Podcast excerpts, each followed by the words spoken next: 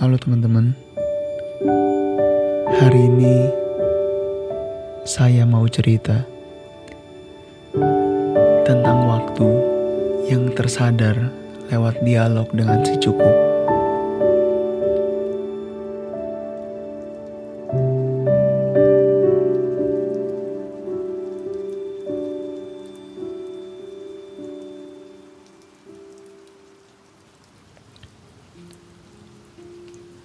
Malam itu sama seperti malam-malam sebelumnya.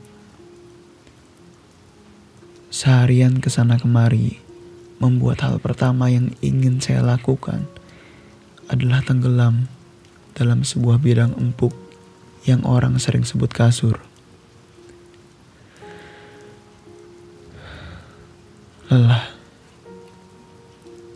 Dengan semua kebisingan yang mengganggu seharian. Saya larikan diri saya ke dunia maya, dunia yang katanya ideal, dunia hiburan yang diciptakan oleh kita. Halaman demi halaman, cerita demi cerita, gambar demi gambar.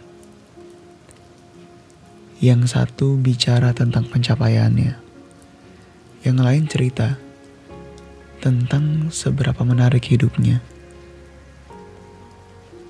Enak ya, satu kalimat yang selewatan muncul di dalam hati. Saya tahu, ketika pikiran ini muncul, sebentar lagi, sebentar lagi si cukup datang.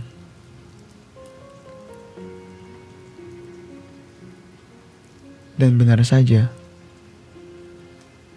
tak lama setelah itu, pribadi lain pun muncul malam itu. Sama seperti sebelumnya, dia kembali mengenalkan dirinya. Katanya, salam kenal lagi. Saya si cukup. Si cukup ini pribadi dengan rupa yang sama, tinggi badan yang sama, warna kulit yang juga sama dengan saya. Si cukup yang selalu datang untuk menjadi penyelamat ketika saya lupa. Selama ini, saya sudah berlari sejauh apa? Katanya malam itu. Kamu ini harusnya sedang beristirahat santai sejenak. Kenapa masih membandingkan tentang mereka yang sekarang lebih kaya dan mereka yang belum tentu lebih bahagia?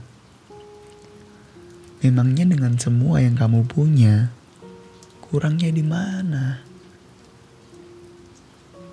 Si cukup yang tatapannya sejak awal teduh dan tidak berubah sejak dia datang ke hidup saya sekitar dua tahun lalu. Dia sehebat itu. Dia bisa membuyarkan pikiran saya yang sedang dipenuhi rasa iri dan dengki. Lalu si cukup melanjutkan. Tenanglah, kita ini tidak pernah bisa paham bagaimana dunia bekerja akan kita. Mungkin waktumu bukan hari ini, mungkin sedekat besok mungkin sejauh 10 tahun lagi. Tapi yakinlah, kapan pun dan bagaimanapun, kita ini diprogram untuk tidak akan pernah merasa cukup. Dan ketika pikiran itu datang lagi, ingatlah bahwa sampai detik ini, langit itu tidak ada yang pernah benar-benar tahu ujungnya di mana. Selalu ada lebih di atas lebih. Dan bersama dengan itu, untuk kita bisa tenang tanpa dihantui rasa iri dan dengki, merasa cukuplah.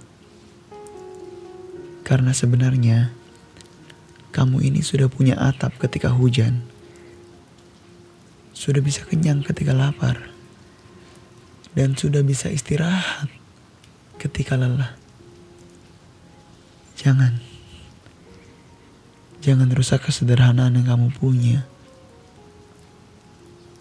Jangan buat muram yang seharusnya bahagia. Dan dengan semua itu, kurangnya di mana?